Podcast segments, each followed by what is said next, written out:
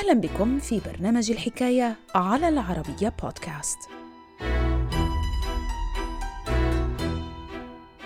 بهدف إخضاع البابا فورموسوس للمساءلة حول عدد من القضايا التي شهدتها فترة حبريته، تم استخراج بقايا جثته من القبر عام 897 بأمر من البابا ستيفان السادس.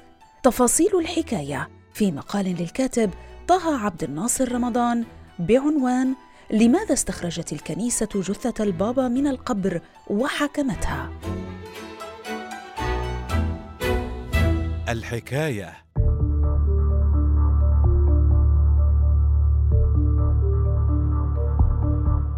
في السادس من أكتوبر عام 891 صعد فورموسوس على كرسي العرش البابوي ليشغل منصب البابا رقم 111 في تاريخ الكنيسة الكاثوليكية.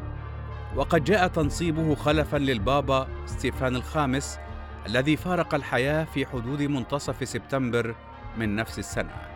منذ توليه منصبه الجديد وجد البابا فورموسوس نفسه في خلافات مع العديد من الحكام والأباطرة. فعلى غرار خلافه مع الإمبراطور البيزنطي بازل الأول عاش فورموسوس على وقع مشاكل مستمرة مع جاي الثالث دوق سبوليتو إمبراطور الإمبراطورية الرومانية. خلال تلك الفترة ومن أجل ضمان بقاء السلطة لدى عائلته أجبر جاي الثالث البابا فورموسوس على تتويج ابنه لامبرت خليفة له على عرش الإمبراطورية الرومانية المقدسة.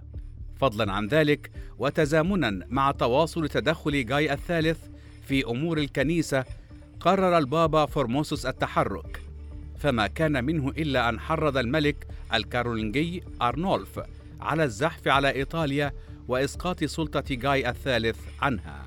إضافة إلى كل هذا ومن خلال خطوة جريئة لم يتردد البابا فورموسوس في تتويج الملك الكارولينجي أرنولف إمبراطورا على الإمبراطورية الرومانية بشكل رمزي. خلال شهر ديسمبر عام 894 توفي جاي الثالث تاركا ابنه لامبرت وزوجته أجلترود على عرش الإمبراطورية الرومانية المقدسة في مواجهة الملك الكارولينجي أرنولف. في غضون ذلك ومع حلول يوم الرابع من أبريل عام 896 فارق البابا فورموسوس الحياة ليخلفه على كرسي العرش البابوي بونيفاس السادس. لم تدم فترة حبرية البابا الجديد بونيفاس السادس طويلا فبعد مضي خمسة عشر يوما فقط على استلامه منصبه توفي بسبب مضاعفات مرض النقرس ليخلفه على إثر ذلك البابا ستيفان السادس. تحت تأثير لامبرت إمبراطور الإمبراطورية الرومانية أمر البابا ستيفان السادس عام 897 بأن تبدأ في روما واحدة من أغرب المحاكمات التي شهدها التاريخ. خلال تلك الفترة أمر البابا ستيفان السادس بأن تستخرج بقايا جثة البابا السابق فورموسوس من القبر بهدف إخضاعها للمساءلة حول عدد من القضايا التي شهدتها فترة حبرية البابا فورموسوس. على إثر صدور أوامر البابا ستيفان السادس تم نبش قبر البابا السابق فورموسوس ليستخرج عقب ذلك ما تبقى من عظامه ثم ألبسوا الجثة اللباس البابوي ووضعت على كرسي المتهمين. طيلة فترة المحاكمة وجه المدعي تهما عديدة لجثة البابا فورموسوس التي تم تثبيتها بشكل جيد إلى الكرسي. في النهاية أدينت جثة البابا فورموسوس بكل التهم الموجهة إليها والتي تراوحت أساسا بين مخالفة القانون وسوء استخدام السلطة. ليصدر عقب ذلك حكم نهائي.